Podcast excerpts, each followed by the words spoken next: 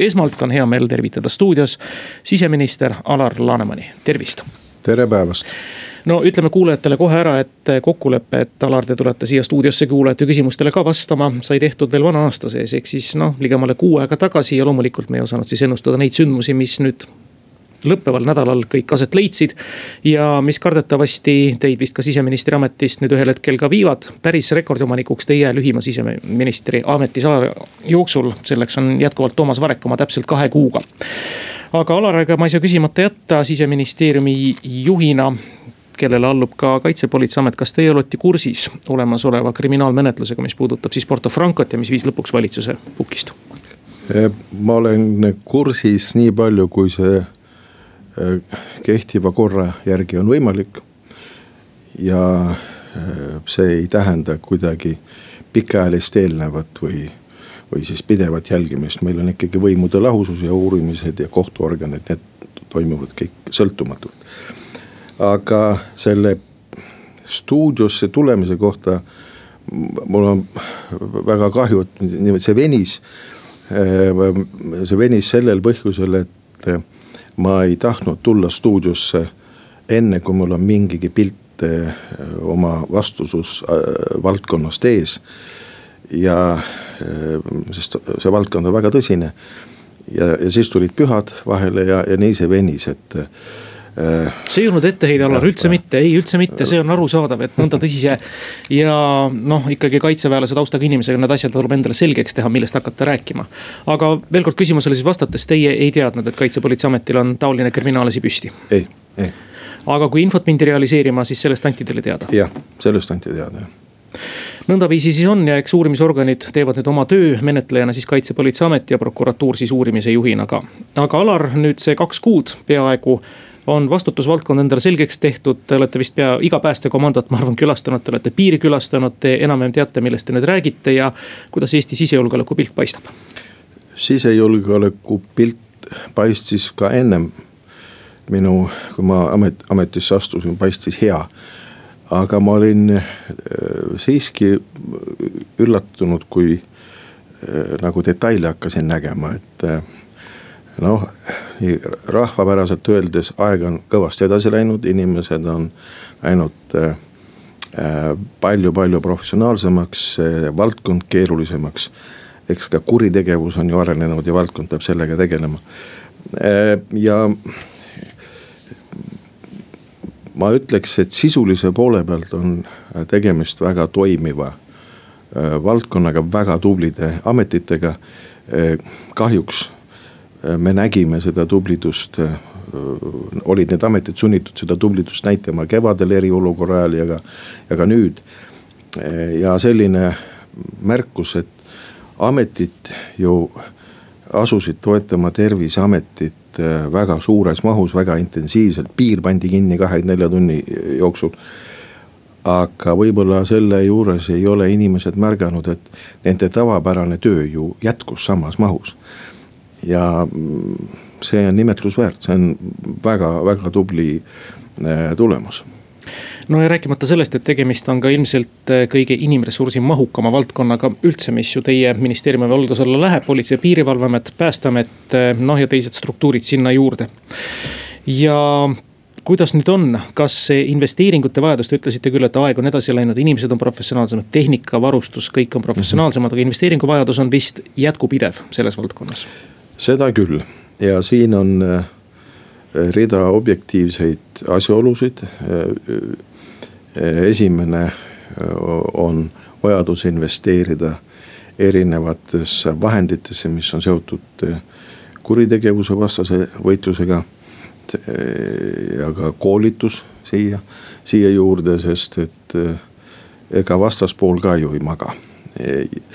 see on esimene vajadus ja teine on eh, töötingimused eh, inimestele. et eriti, kui me vaatame päästeametite komandode seisu, õnneks on nüüd seal kinnitatud kava, mille kohaselt siis nelja aasta jooksul peaks meil veel kolmteist hoonet või ühishoonet valmima, esimene ühishoone on nüüd Pärnus suvel kasutusele võtmisel. eelmisel nädalal või tähendab selle nädala alguses ju olime Lilleküla uues komandos ja, ja noh, päästeameti juht on ise selles komandos kaks aastat töötanud ja ta ütles, et see on tohutu vahe.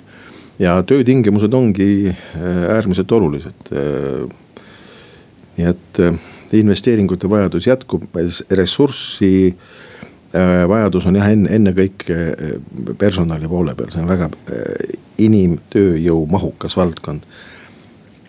Ja noh, ma annaks sellise numbri võrdluseks, et kui circa kümme aastat tagasi oli kaitse-eelarve ja, ja siseministeeriumi eelarve vahe no kakskümmend miljonit, siis praeguseks on see kakssada. see on arusaadav, kaitse, riigikaitseline tehnika on kallis ja seda on rohkem vaja kui meil.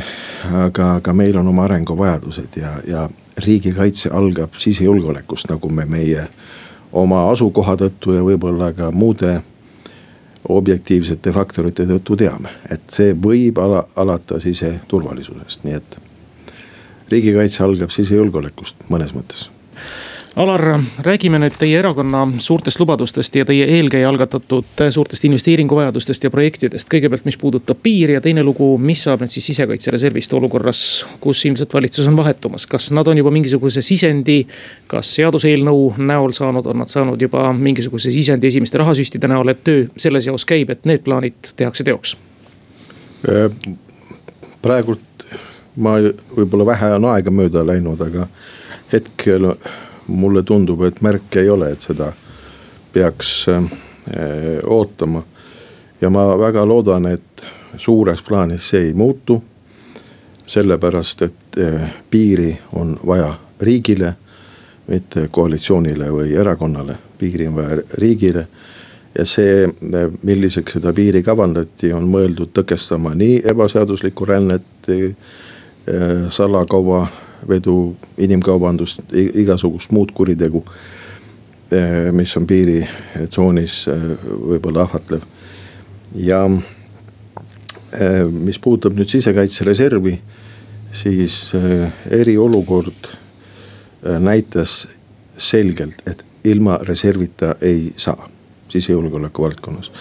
ja ma olen paljudel puhkudel toonud seda näidet aga ma arvan, seda näidet eh, tuleb tuua ka edaspidi ja see peaks olema Sisekaitseakadeemia õppekavas ühe sellise hea juhtimisotsuse näitena, see on see, kui PPA juht kevadel lõi selle viiesaja mehelise reservi. Eh, eh, reservi mõte on selles, et sul on tegevusvabadus ootamatuks olukorraks, mida sa ei ole osanud ette näha ja milleks sa ei ole osanud planeerida.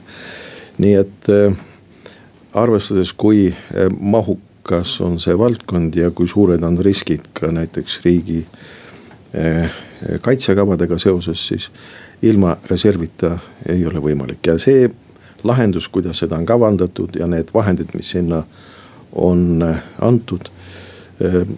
see peaks olema üsna loogiline ja sobiv, nii et ma väga loodan, et suures plaanis jääb samaks külastades erinevaid päästekomandosid, kas te lahkusite ka päästekomandodest valuga südames, teades päästjate palkade kohta?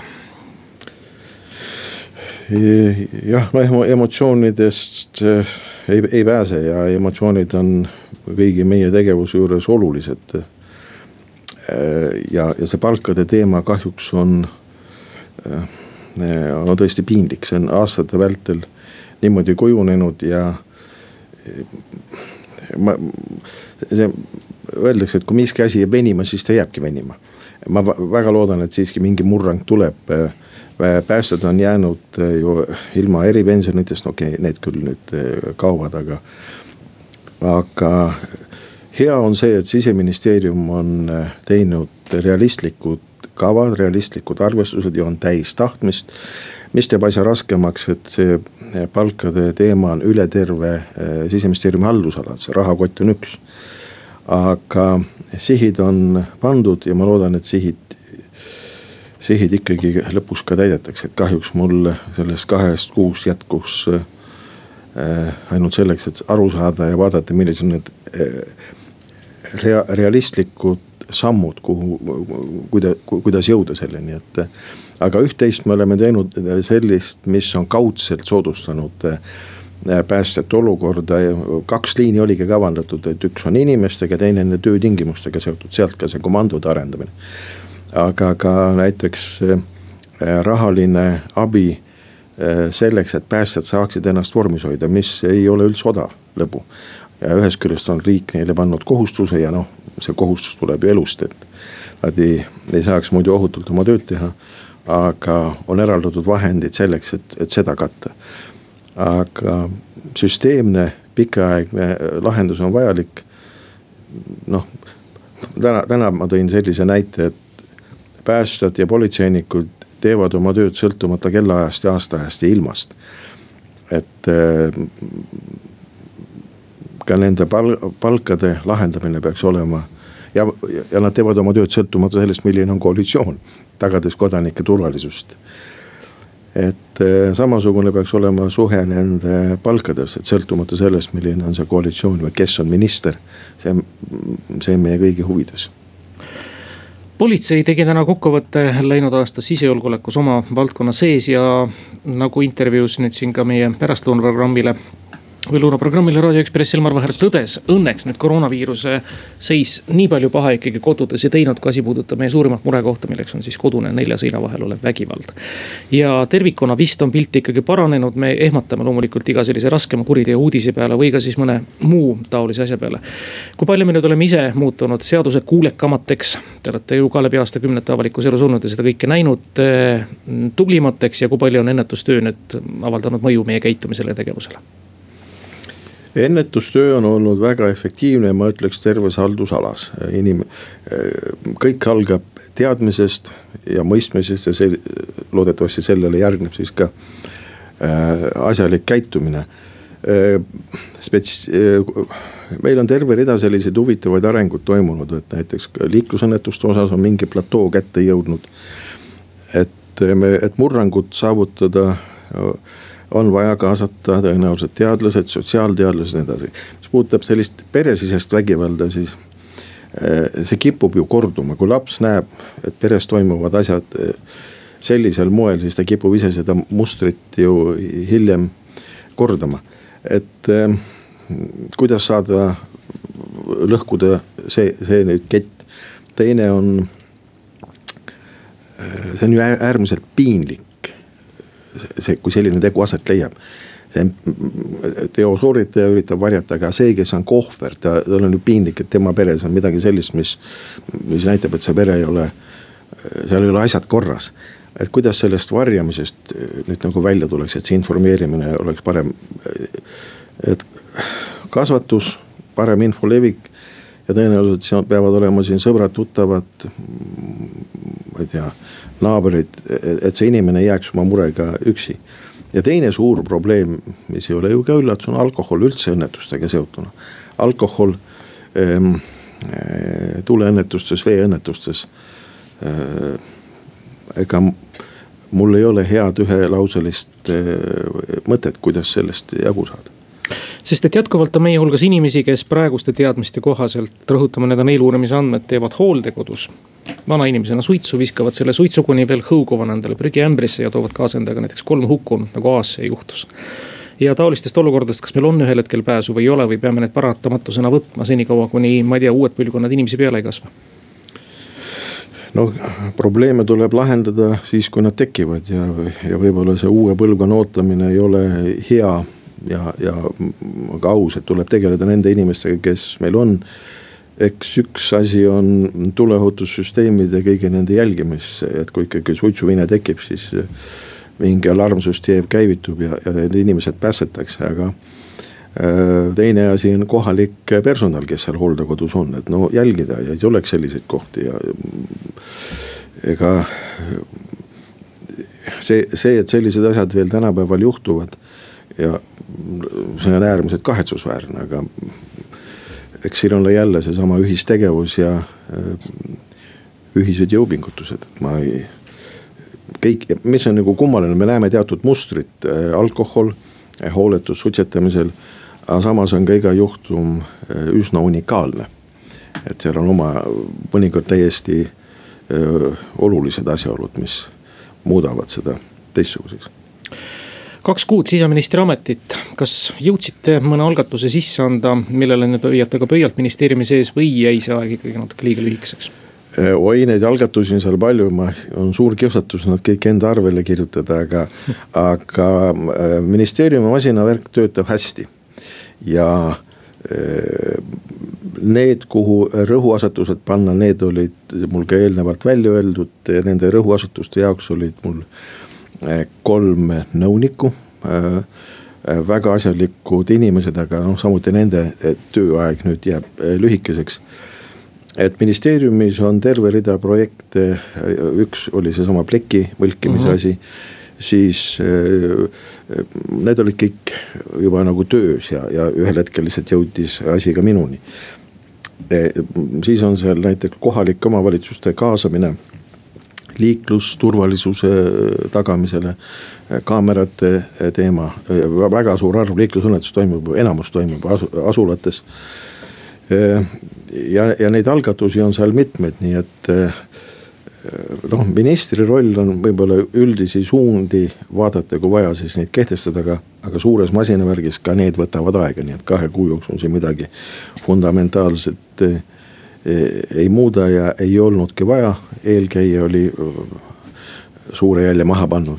nii et kui nii natuke humoorikamalt võtta, siis ülema esimene ülesanne on mitte segada alluvatel tööd teha. kuku raadio stuudios on ilmselt viimaseid nädalaid ametis olev siseminister Alar Laneman vastamas heade kuulajate küsimustele. Telefon stuudios kuus, kaks, üks, neli, kuus, neli, kuus. ootab teie küsimusi, rõhutame küsimusi, tervist. tervist, minul on saateküljel selline küsimus, et äh, mis asjaoludel teie kui politrikuks õppinud kommunist ühinesite erakonnaga, mis nimetab ennast rahvuslik konservatiivseks, et minu arust on need maailmavaated ja mõisted omavahel noh, täielikus vastuolus, et mina rahvusliku konservatiivina ma nagu aru ei saa, aitäh. tahate vastata? Kui inimesed küsivad, siis ma pean vastama, et, et äh, ma aastast üheksakümmend üks võib-olla räägin natuke hiljem ma räägin sellest äh, sõjakooli minekust. ma olen sellest ka varem rääkinud, aga sellise auditooriumi ees mitte. et äh, sõjakooli mineku lugu oli selline, et sõjaväelaseks saada ja, ja ohvitseriks äh, selline soov mul oli ja tol ajal oli Eestis ainult üks sõjakool. see oli see, mis siis äh, asus tollal Jagalas alternatiiv oleks olnud minna äh, Nõukogude avarustesse. ja selle valiku siis ma pidin tegema. Ja kuna ma ei tahtnud Eestist lahkuda, siis ma äh, valisin selle sõjakooli. ja, ja tingimuseks Pärnus oli, oli selline, et tollal oli Nõukogude Liidus äh, poliitika, kus sõjaväkke taheti rahvuskaadrit, niinimetatud eri liiduvabariikide esindajaid. ja siis kummaline, aga see on tõsi, oli selline kokkulepe, et ma hea meelega läheks. aga ma läheks Tallinnasse ja läheks siis, kui mul õnnestub teenida ainult Eestis. see kokkulepe sündis ja sellest kokkuleppest kummalisel kombel peeti ka kinni. seal on isegi mõned päris kummalised seigad, mis võivad kõlada uskumatult, aga see pidas ja aastal üheksakümmend üks, kui hakati looma Eesti kaitseväge, siis tollane peastaabiülem Ants Laaneots äh, tegi mulle ettepaneku äh, ka toetada oma kaitsevõimekuse loomist oma riigis. selle, see ettepanek ei tundunud mulle just minu kooli tõttu võib-olla kõige mõistlikum. aga vastus, äh, mis, mille ma siis sain, oli umbes selline, et praegusel ajal on iga inimene oluline. ja ta ära viili kõrvale.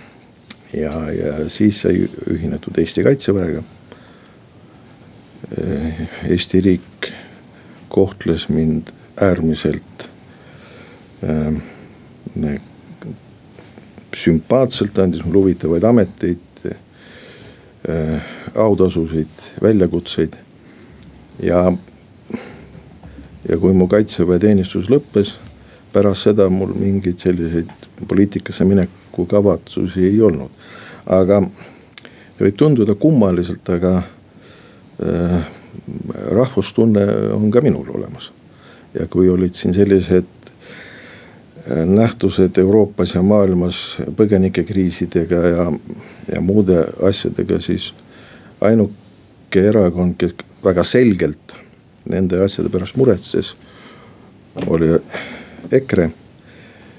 Äh, see ja siin lisandus ka Pärnumaal nende valdade liitmisega seotud mured, mured.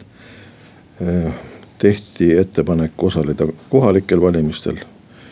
Need tundusid, et läksid normaalselt siis sündis ettepanek osaleda riigikogu valimistel. ja nii see lugu põhimõtteliselt on olnud, nii et äh, minu riik mind teenistusse kutsus ja ma loodan, et oma teenistusega äh, ma vastasin sellele kutsele väärikalt. ja, ja siis oli juba loogiline jätk, et äh, ma jõudsin sinna, kus ma hetkel olen, aitäh. väga pikk ja põhjalik vastus, kuulame järgmist helistajat ja küsijat, tervist äh,. mina olen, tere mul oleks äh, siseministri käest, äh, ma küsiks lihtsalt noh, lihtsalt äh, ma olen äh, ise lihtne inimene, et. küsige äh,. kuidas äh, sai toimuma Eesti Vabariigis äh, kahtlematult siseministeeriumil ju üldse, et veretu riigipööre toimis. nii, on teil andmeid selle kohta? ma kardan, et ma ei oska sellele küsimusele nüüd päris äh, head vastust andma, et, et millest on jutt? kuulaja väidab, et meil on riigipööre toimunud, aga hea küll, jätame ta kõrvale. Kuus, kaks, üks, neli, kuus, neli, kuus, telefon on avatud headele kuulajatele, sisuliste küsimuste küsijatele ja loodetavasti üks järgmine selle küsija on meil telefonil, tervist. tervist. no viimastel päevadel on siin kuulda olnud, et politsei ei noh, eelnõus on nagu, et politsei ei pea enam ütleme ilma inimvigastusteta avariile välja sõitma. noh, see jääb siis kindlustusfirmade, ütleme nende kahjukäsitlusbrigaadide käsitleda. seoses sellega peakski, et kas mingi eelnõu on selle kohta ka, et nendele kindlustusfirmade kahjukäsitlejatele tagatakse juurdepääs valvekaamerate salvestustele, kaasa arvatud eraõiguslike valvekaamerate salvestuste juurdepääsule. mis nüüd detailselt neid kaameraid puud-, puudu, puutub, siis ma ei oska nüüd päris head vastust võib-olla anda, aga, aga selle äh, algatuse mõte oli selles, et enamus selliseid avariisid tõesti on nagu rahvakeeles öeldes pleki mõlkimised ja see võtab liigselt politsei ressurssi, et politsei saaks hoopis inimeste äh, reaalsete ja ohtlike olukordade lahendamisega tegeleda. ja, ja seal oli veel üks asjaolu, kui ma, kui, kui ma täpselt nüüd mäletan, et väga paljud need toimingud, mida politsei tegi ja fikseeris seal kohapeal, need ei olnud siduva iseloomuga, nii et noh, see töö, mis politsei tegi seal koha peal eh, oli mõnes mõttes ka maha visatud aeg ja vaev. aga mis puudutab kaameraid, ma arvan, et kui see nüüd on oluline, siis selle eh, algatuse seaduseks muutumise käigus peaks sellele lahendus ja vastus leitama, et see on, see on õige tähelepanek, aitäh tegemist on veel eelnõu väljatöötamiskavatsusega, kus siis ootatakse veel tööriistu juurde. vastav intervjuu muide on meil kell kolmveerand neli täna Kuku raadio saates eetris ka. me kuulame järgmist helistajat ja küsijat, tervist tervist. Äh, mina olen Almar Vaps ja äh, selline küsimus, et kuna meil on kaheksa aasta jooksul olnud okupatsioon kestev, siis sellest seisukohast, äh, tahaks siduvat vastust äh, karistusseadustiku seisukohalt. et äh, Jüri Ratas on oma valitsemise aja jooksul kaks korda äh, käinud äh, vabamüürlaste klubis nimega Bilderborgia äh,. ja minu hinnangul, kui te nüüd sisestate äh, eestikeelsesse Vikipeediasse auleegioni orden, äh, siis avaneb sealt üsna huvitav pilt. Äh, minu hinnangul see on ka vabamüürlaste klubi mm. -hmm, aitäh see vist ei ole päris siseministeeriumi all temaatika, kõikvõimalikud organisatsioonid, MTÜ-d, ühingud, Bilderbergi grupp on riigipeade ja ka majandusjuhtide mitteametlik kohtumine, mis on nimetuse saanud minu teada Hollandis asuva hotelli järgi aga ma kahtlustan, et Alar Laneman poleks osanud teie poolt esitatud küsimustele ka auliigini ordeni kohta vastata. Kuus, kaks, üks, neli, kuus, neli, kuus. me ootame järgmisi sisulisi küsijaid, kui neid juhtub olema. ja järgmine helistaja on liinil, tervist Teid tervitab ka tallinlane, on küs-, tunnustus ja on üks küsimus. on nimelt väga kurb kodanikuna, et nii hea ettevalmistusega ohvitser on oma karjääri pidanud katkestama poliitilistel põhjustel. Aga kuna väga täpselt väljendasite, et on olemas tähendab sissekaitse, riigikaitse osa. kas teid on informeeritud äh, suurõnnetuste ohust Eestis, et neid ennetada? Äh, jah, siseministeerium tegeleb pidevalt selliste ohuanalüüsidega ja selliste võimalike ohtude kaardistamisega. Äh, millised nad võivad olla, millised on nende tõenäosus, tõenäosused ja ja mis on meie oma jõukohased äh, lahendada ja kus meil on vaja partnereid ja ja kus on äh, vajalik laiem võrgustik, et äh, ma ei saa kahjuks detailidesse laskuda, aga just täna oli üks nõupidamine, kus üks selline aspekt tuli üles, nii et. kas meil kõik kohe ära õnnestub teha, see on teine asi, aga, aga et teie äh, küsimusele vastates saan öelda, et sellega tegeletakse nii tõenäosuse kui ka nende ohutüüpide osas ja millised või, võiksid olla lahendused. ja ühe küsimuse võtame veel vastu enne reklaamipausi, tervist. Ähm, tere, mul oleks sihuke küsimus, et, et, ähm, et meie politsei töötab nagu tuhat üheksasaja neljakümne seitsmendal aastal. et kas te tagasi ei tahaks astuda? Te ei pea sellele vastama, lähme reklaamipausile.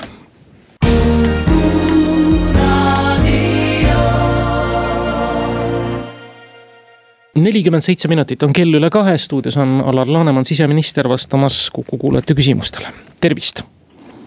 tere päevast, minul selline küsimus, et ähm, tegemist sõjaväelasega ja sõjaväes on, ähm, on kindel reeglistik äh, juhtimisel, korral, distsipliinil, et kuidas teie suhtute või kommenteerite teie partei esimeeste ja, ja juhtide sõnavõtte meedias? solvamisi ja, ja nii edasi, info jagamist, negatiivse info jagamist, aitäh.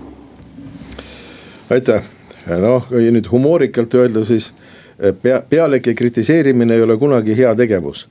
aga kui tõsiselt vastata, siis äh, äh, oma sõnade mõjuga tegelemine on alati äh, nende sõnade autoril ennekõike. ja, ja kõrvalseisjatel ei ole ei kohustust ega ka õigust äh, äh, sellega, sellega tegeleda.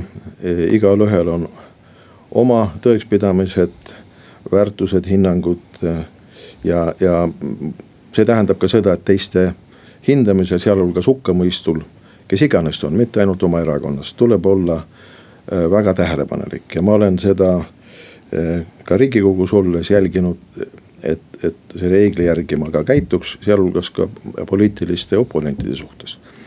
et tihti meil asjad lähevadki käest ära, me kõik kipume väga palju arvama, hinnanguid andma. Äh, ja ma ütleks enamikel juhtudel ähm, võiks olematu olla me kuulame järgmist helistajat ja küsijat, tervist. tere päevast, te olete, tundub siiski mõistlik mees, aga ma küsin, öelge mulle, mis, kuidas saab politsei eest ennast kaitsta, sest tihtipeale nii palju, kui minul on politseiga olnud tegemist on nad rohkem minu terroriseerijad kui, kui abiks olla. viimane kord oli see, mul on talu ja mesilad seal, noh, Vändra ja Rapla piiriväel ja, ja, ja lihtsalt tullakse talusse, röövitakse ära, kutsud politsei, politsei ütleb, et sa ise oled lubanud. kes, ma ütlen, no kas sa kuulsid, ei, see, kes siin praegu röövis, siis jälle tema ütles mulle, ma, ma ütlen, jumal hoidku, aga kuule, kas sa siis praegu sa oled nagu politsei, kuigi noh, vene aktsendiga, et, et siis jälle, kas, kas sul ei ole õpetatud siis või oled üldse koolis käinud, et. ja, aitäh, härra, seda küsimust me oleme korduvalt kuulnud, ehk siis ülekohus. kuidas sellega on, kas vastame lühidalt ära, kuidas saab politsei vastu kaevata? noh, eks tuleb esitada sellesse politseijaoskonda selle kohalikule kõrgema jaoskonna juhile või siis prefektile kaebus ja seda menetletakse ja kahjuks on see mõnes mõttes möödapääsmatu alati, kus on tegemist mingite konfliktiolukordade lahendamisega. et alati on, on keegi, kes tundub, et mõnikord mõlemad pooled, üks tundub, et teda piisavalt ei kaitstud. ja teine tunneb, et teda, talle tehti ülekohut sellele reageerides, nii et ma soovitan kohaliku selle politsei juhtkonna poole pöörduda ja asjalikult sõnastada, et noh. küllap sellele ka lahendus leitakse, aitäh ja järgmine helistaja ja küsija, tervist. kuulete? kuuleme teid. katkestasid ära või? halloo. ja kuuleme. aa, väga tubli. tähendab, politsei on jah, nagu, nagu kuidagi isetegevuslik äh, MT-ühing ta. Äh, on teil küsimus, härra, ma küsin kohe ära, vabandust. Äh, küsin, küsin seda, kes annab õiguse minu registreeritud relv minult ära äh, rekvireerida kuidas selle relvaseadusega on, ega need relvaloa omanikke pärast Lihula tulistamist hakati üsna usinalt kontrollima ja see õigus vist politseil on, et kui ja. ta kahtleb milleski. Relvaloa omaniku puhul on see tema tervis, on see tema varasemad teod, käitumine ja. siis. see vastab tõele, aga kui teil on tunne, et siin on tehtud midagi valesti, siis äh, ma vastaks sarnaselt nagu eelmisele küsimusele, et esitage oma vaie. ja ma olen ise ka mitme eh, juhtumiga nagu kokku puutunud, et seal on olnud erinevaid olukordi, kus tuleb teada, et teil hakkab relvaluba lõppema minge ja tehke, esitage vajalikud siis noh, dokumendid või toimingud ja siis selgub, et näiteks, et arsti juurde pääsemisega on järjekorrad pikemad kui see kuupäev, mis nüüd kohe kukub. et eh, sellele vastuseks politsei pikendas nüüd etteteatamise aega. aga kui selline olukord tekib, noh siis muidugi on, on üks asi, mis vaja lahendada, aga pöörduge selle politsei kohaliku politseiniku vahetu ülema poole, et ma arvan, et politsei on ju tegelikult üsna mõistlik, aga nad peavad seadust ka järgima. kuus, kaks, üks, neli, kuus, neli, kuus, veel mõni loetud minut on meil veel jäänud. Äh, nüüd on meil helistaja liinil, jah, tervist. tere päevast. mina olen vana inimene ja lapsena olin küüditatud Siberisse. seetõttu mõnda asja tean, sest elasin sealsete inimeste keskel. tahan teid kiita kõiki, et meie Eesti pass, mis hakatakse nüüd välja andma, on nii imeilus et midagi muud kõrvale panna ei ole nii ilusale asjale. aitäh, aitäh. ja see vist on ka väga turvaline. jah, inimesed on selle nimel vaeva näinud. me jõuame ühe küsimuse veel vastu võtta täna kui stuudios on siseminister Alar Laneman, kuus, kaks, üks, neli, kuus, neli, kuus ja siit see küsimus tuleb, tervist. tere kaunist päeva siis selline küsimus, äh, aastas kakssada nelikümmend tuhat trahvi, mis teedile tänavatel. see on siis maailmarekord. Et mis probleemi te lahendate ikkagi seal Euroopa kõige aeglasemas liikluses? tänan väga. Äh, ma saan aru, et see on natuke ka retooriline küsimus, aga, aga ma siiski vastan, et äh, see, mis probleemi me nüüd lahendame oma haldusalas, see on näha Äh, selles, nendes kokkuvõtetes, mida meie haldusala asutused, ennekõike päästeamet ja politsei teevad. Et, et kahjuks äh, sellist murrangulist paranemist me ei ole saavutanud. Äh, muidugi peab alati vaatama, riik ei tohi olla karistusmehhanism, aga selle, selle puhul aitab tõesti võib-olla mitte trahvimine nii palju kui teavitamine. ja selle nimel ametid töötavad ja ma, minul on küll veendumus, et vaadates nende hoiakuid ja ka tegevuskavasid ja töö tulemust. et siin võib muidugi alati asja paremaks teha, aga selles suunas tegelikult ka liigutakse ütleme aitäh kõikidele headele helistajatele ja küsijatele, ütleme ka suur tänu, Alar Laneman, seda tundi leidmast. siseministrina me vist mõnda aega teiega järgmine kord ei kohtu, te saate parlamendis oma tööd jätkata teadmata küll, mis komisjoni te lähete, aga nagu ma aru saan, see kogemus sisejulgeoleku valdkonnas kuulub nüüd väga marjaks ära ka opositsioonis olles ja seal oma ettepanekuid ratsionaalselt tehes. aitäh saatesse kutsumast ja aitäh eh, raadiokuulajatele ja küsijatele, et eh, väga huvitav oli, aitäh